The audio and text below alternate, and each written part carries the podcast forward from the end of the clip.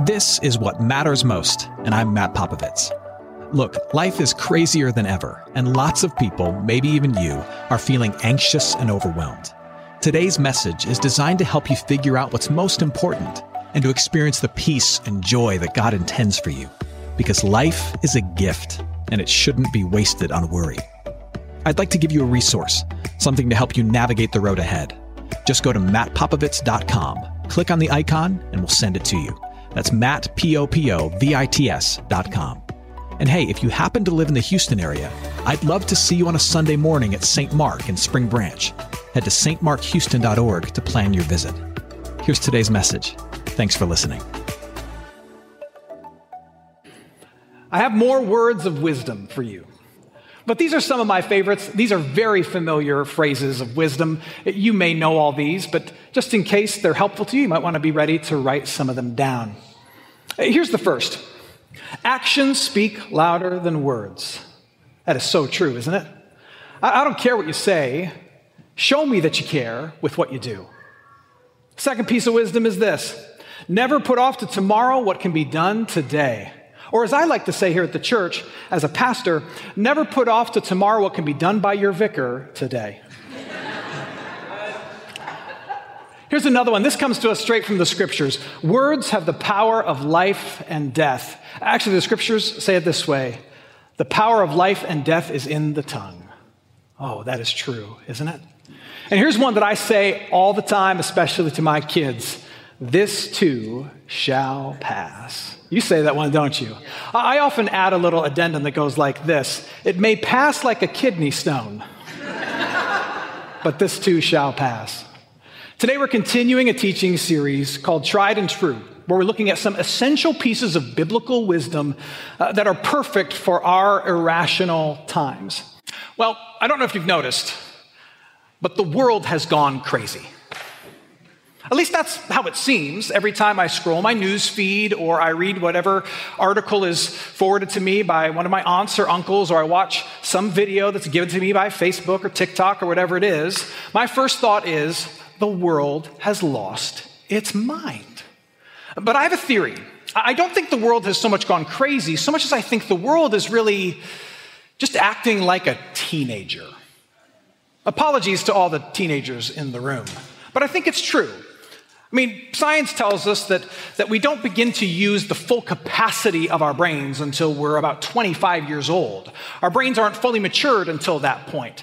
And it's not until about the age of 20 that we even really begin in earnest engaging the rational part of our brains. So, really, throughout all of teenage life, we are primarily driven by emotions and think of no one other than ourselves. We are emotional and selfish. Does that sound familiar? Now, teenagers, again, no offense, we love you. Apparently, we love you so much that when we get together as a culture and a community, we act just like you. Now, this is not new. Uh, this is why the Bible is filled not just with life changing promises fulfilled for us in Jesus, but also just some good old fashioned wisdom.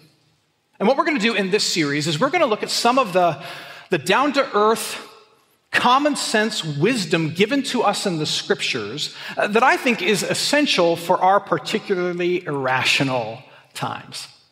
But before we dive into the wisdom that we're going to look at this morning, I want to share with you some of my favorite words of advice and pieces of wisdom that didn't make the cut for this series. This series could have been about 20 weeks long because the Bible is full of so much good stuff. And, and me and you, we've also been passed on some really good wisdom and advice throughout the years. And I would love to talk about all of it, but we just don't have time. So let me highlight a couple of things that are on the cutting room floor, but are good wisdom, sound advice nonetheless things that you are likely to hear around my house if you actually listen to me. So here's the first one. This is one that I have said to my daughter not all that long ago. I think, in fact, it was two weeks ago. It goes like this The person you want to be is on the other side of things you'd rather avoid. The character that you want to develop, the opportunities you want to have, is on the other side of difficult things. If you avoid difficulty, you are also forsaking opportunity to grow and to change and to be the person you actually want to be. Another great piece of wisdom or advice is this most plans will work if you work the plan. I get an opportunity to work with a lot of pastors outside of St. Mark, some church planters, because we did that in a previous ministry. And one of the things I have to say to them all the time is this Your plan will work if you work the plan. Because an inside insight about pastors, they always get excited about another plan, another idea. But your plan will work if you work the plan. In most cases, the issue is follow through. Another great piece of advice the truly wise receive counsel and accept critique. You should be open to the critique of others. Another one that I appreciate fools wander while the wise travel. The difference between a wanderer and a traveler is a traveler has a destination and an agenda in mind. Here's one that comes straight from the Proverbs A good name is better than great riches. What good is it to gain the whole world if you lose your reputation in the process? Now, perhaps the best piece of advice that, that I've ever received that I can pass along to you comes to us in two parts. The first part is this Mom is always right. And the second one is like it Dad always agrees with mom. That has saved me so much heartache as a husband and as a parent. My child comes to me and they ask me anything, or the way it manifests itself now, my teenage daughter texts me something, and my text back to her is simply this Whatever your mom said, I agree wholeheartedly. What's some of the words of wisdom that you hold tight to that have been passed on to you? Well, here's the one that we're going to look at today. It comes to us from the scriptures. The wisdom is this the choices you make make waves. The choices I make make waves. When I was young, my family had a boat, a little 17 foot open bow boat, and we would take it up north in Michigan to this tiny river that, that fed into this much larger lake. And I remember every once in a while, every great once in a while, my dad would let me drive the boat down the river out to the lake. And without fail, he would say to me, Slow down. Slow down, watch your speed, and then he would point to one of the thousand signs that said, Own your wake.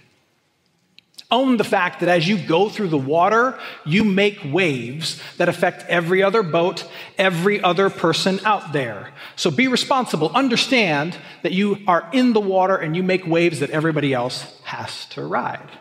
Now, here's what makes someone foolish a foolish person is someone who doesn't understand how water works.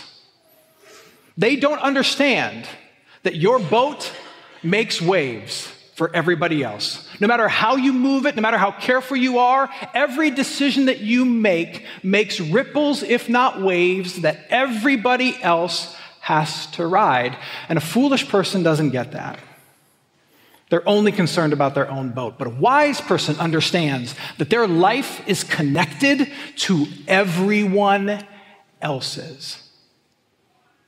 The scriptures draw, us, draw our attention to, to three realities. In fact, you could say that, that God wants us to be mindful of three things at any given moment. He wants us to be mindful of Him, mindful of ourselves, and mindful of others.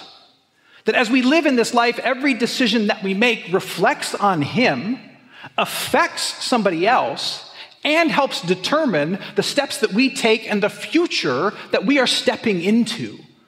He wants us to be mindful of Him, ourselves, and others. Jesus is getting at this in Matthew 22 when he, he talks about how we are to live as faithful followers of Him in God's kingdom. He says this you shall love the Lord your God with all your heart, with all your soul, and with all your mind. This is the great and first commandment. And the second is like it you shall love your neighbor as yourself. Jesus says life comes down to this expressing love to the Father and love to others. In all that we do, we aim to love God and love others. We want to create a wake that is respectful and loving, and respectful and loving.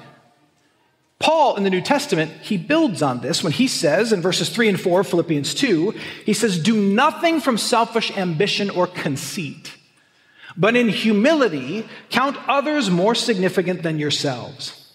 Let each of you look not only to his own interests, but also to the interests of others. The equation is clear. God wants his people to be wise people. With every step, every word, every decision to understand that it all reflects upon him, affects somebody else, and helps determine the future that he's calling you into. Now, the problem is that you and I live in a world that is broken by sin. And sin, you could say at its core, is a rejection of those three realities. Sin at a DNA level is really selfishness. It is putting yourself at the center of the universe, which is a spot that really only God should have, and then narrowing your focus down just to your wants, your needs in your moment. Sin is selfishness. It's a disregard for how it reflects on God, the needs of others, and the future because it's just focused on me, myself, my needs in this little boat, in this little moment, all the other waves forgotten. Hey, friends, it's Matt. If you enjoy what matters most, I invite you to give a one time gift or to become a regular, recurring supporter of our ministry. It's your gifts that put and keep this show on the air and make it possible for us to do even more. To partner with us, just head to mattpopovits.com. That's M A T T P O P O V I T S.com and choose to give. And as a thank you, we'll send you a copy of my first book, Tough Call, as a gift. Help us keep sharing what matters most with as many as possible. Head to mattpopovits.com and choose Give. There's a famous theologian, a really famous theologian. He's very, very dead and very, very famous. St. Augustine. He's one of the, the founders, you could say, of the, the early Christian church in terms of its theology and thinking. And Augustine had an interesting way of illustrating what sin is. He had a Latin phrase that he used. I'll, I'll teach you some Latin. The Latin phrase is this Homo incurvatus in se. What it means is man is turned inside on himself. Man is turned on himself. Here's what he's saying think of the Christian life that you're supposed to live is a life where you're sitting in God's world and your shoulders are back and your eyes are up and you are fully engaged with the world around you. And you're able to be mindful of the God above you, aware of your neighbor's needs next to you, and also your eyes can be on the horizon from time to time, thinking about where God is leading you and the future He's calling you to. What sin does is that it turns us in on ourselves and we, we become unaccountable to God uncaring about others, and unaware of how our choices today shape tomorrow. Uh, the visual is like this rather than be open and engaged with the world, we turn in. We turn our heart and mind away from God. We turn our back to our neighbors and we get consumed with ourselves. This is what sin is. I am turned away from God. I'm turned away from my neighbor. I'm turned away from my future, even, and I'm consumed with self in this moment. This is sin. And what God is trying to do is get you to open back up, lift your eyes, so that you can live a life that is open and aware of Him and others and the future He's calling you into. The beautiful thing about Jesus is that Jesus, of course, lived this perfectly. This, this open life. Everything Jesus did was, was for you. Jesus' entire life was lived for his Father, for his friends, and for the future. The, future of what he would do on the cross and dying for our sins and rising from the grave. Jesus is, is amazing because and any truth that he gives us, and any promise that he tells us, and any wisdom he offers us is not just something that we are to embrace and, if need be, do. Jesus first does it for us. He does it perfectly. He fulfills it on our behalf. Again, everything Jesus did was for you. Every choice that he made was for his father, his friends, and the future, the mission he had in saving the world. Every miracle that Jesus performed, feeding the 5,000, healing the sick, was done so that those who see it, who hear about it, might drop their jaw in awe of the Father. Every word that he said, every, every convicting truth that cuts to the core, every promise that breathes life into you was spoken as a blessing and a benefit for you, his friend. And every step that he took, whether it was on the road to Jerusalem or onto the water, out to the boat that his disciples were in, every step that he took was, was with the cross in mind. It was ultimately toward that future that the Father had called him to, to live, die, and rise for you and me. Everything he did was wide open to the Father, his friends, and the future. He understood that every word, every miracle, every step was for all those things and created ripples and waves toward it all. Now, when you live a life wide open, seeking to honor God, bless others, and be faithful to the life that God has called you to live, it, it looks like sacrifice, and it certainly did for Jesus. It might not look like winning, according to this world, and it certainly didn't for Jesus. But you know what it was? It was a life of love all the way around. And the end result of Jesus understanding the ripples that he made here and here and everywhere is that you, you are forgiven you belong in the Father's family. You are secure. You are so secure in the Father's family that you are free to think more of others than yourself. You don't have to worry about whether or not you're going to get yours. You don't have to worry about whether or not you're going to be okay. All that's taken care of and secure in the death and resurrection of Jesus given to you through your belief in baptism. You are set free to think about what it means to honor God and bless others as you care for yourself. Jesus lived this perfectly and set you and I free to attempt the same. This is what Paul is getting at in the latter half of Philippians chapter 2.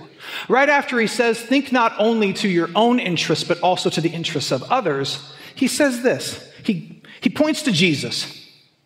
He says, Have this mind among yourselves, which is yours in Christ Jesus who, though he was in the form of God, did not count equality with God a thing to be grasped, but emptied himself by taking the form of a servant.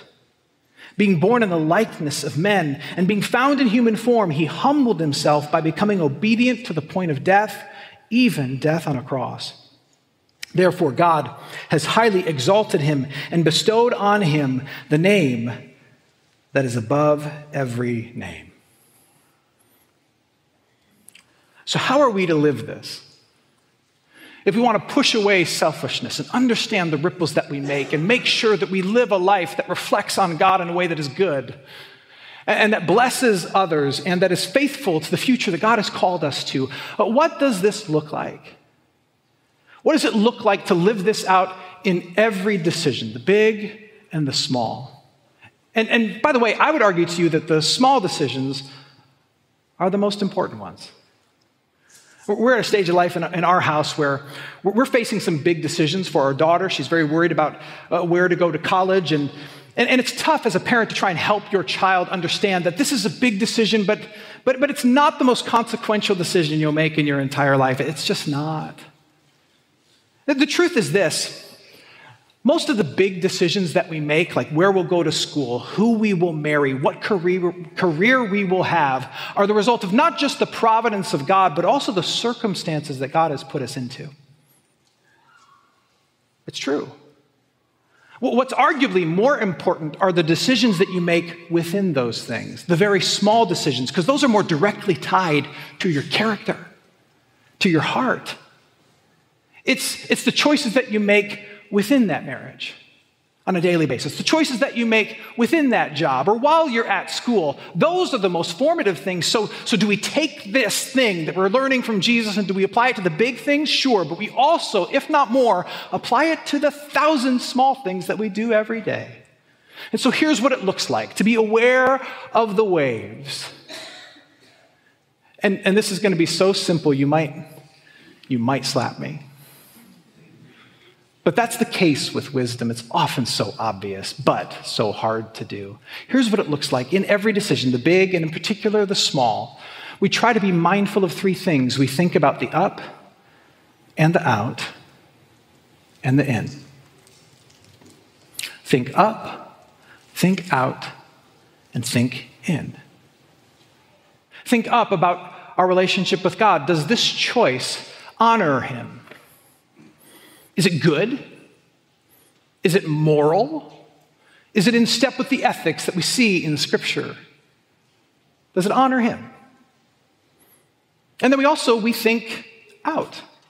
How will this decision, big or small, affect the people around me? Those that I love and those who are, I may not even know but are in close proximity to me. How does this choice today affect those people? Not only that, but, but is there a possibility for this to benefit them? Is there a way in which I could make this choice in such a way that it blesses and benefits them? Think out. And then we think in about ourselves. How does this choice move me closer, not to what I want right now, but to the person I believe God is calling me to become tomorrow? How does this help me in some way, shape, or form be faithful to the future that God has called me to? How does it help me be a faithful follower of Jesus? In all things, we think about the up and the out and the in. That's what it means to be faithful. That's what it means to grasp and understand and own the waves that your life creates. It, it, seems like the world has gone crazy, but it hasn't. The, the world is just what the world has always been foolish. And the foundation of foolishness is this you are either too naive to grasp or too arrogant to care about the implications of your decisions. May we, followers of Jesus, not be so foolish. May we, as Paul says, have the mind of Christ, who, for the joy set before him, the joy of, of honoring his Father, the joy of saving his friends, the joy of fulfilling the plan that he was put here to accomplish, endured the cross, scorned its shame, and is now seated at the right hand of the Father. There's a professor at Columbia who has come out with a study that says that the average adult makes 70 conscious decisions every day. Seven zero. Conscious decisions, from big to mostly mundane and small. If you do the math, that equals about 25,500 decisions that you and I will make each year. Over the course of 70 years, that's 1.7 million decisions and some change. The famous philosopher Albert Camus said, You are the sum total of your life's decisions. And if that's the case, what kind of life are you building? Who are you? May we be wise. May we imitate the life that was lived for us may we open ourselves up, reject the inward focus of selfishness, and may we seek in all things to own our weight, honoring God, loving others, and trying to step faithfully into the future.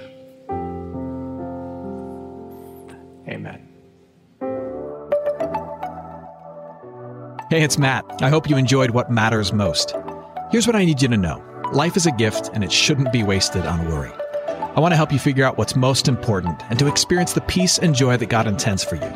So, for more content, you can head to mattpopovits.com. That's Matt, P O P O V I T S.com. There, you can also support this ministry as well as access your free resource, a little something to help you navigate the road ahead. I'd also love to see you on a Sunday morning if you're in the Houston area head to stmarkhouston.org to plan your visit. In the meantime, hit me up on Instagram at mpopovits or at facebook.com slash Ministries. Thanks for listening. Now go and hold tight to what matters most.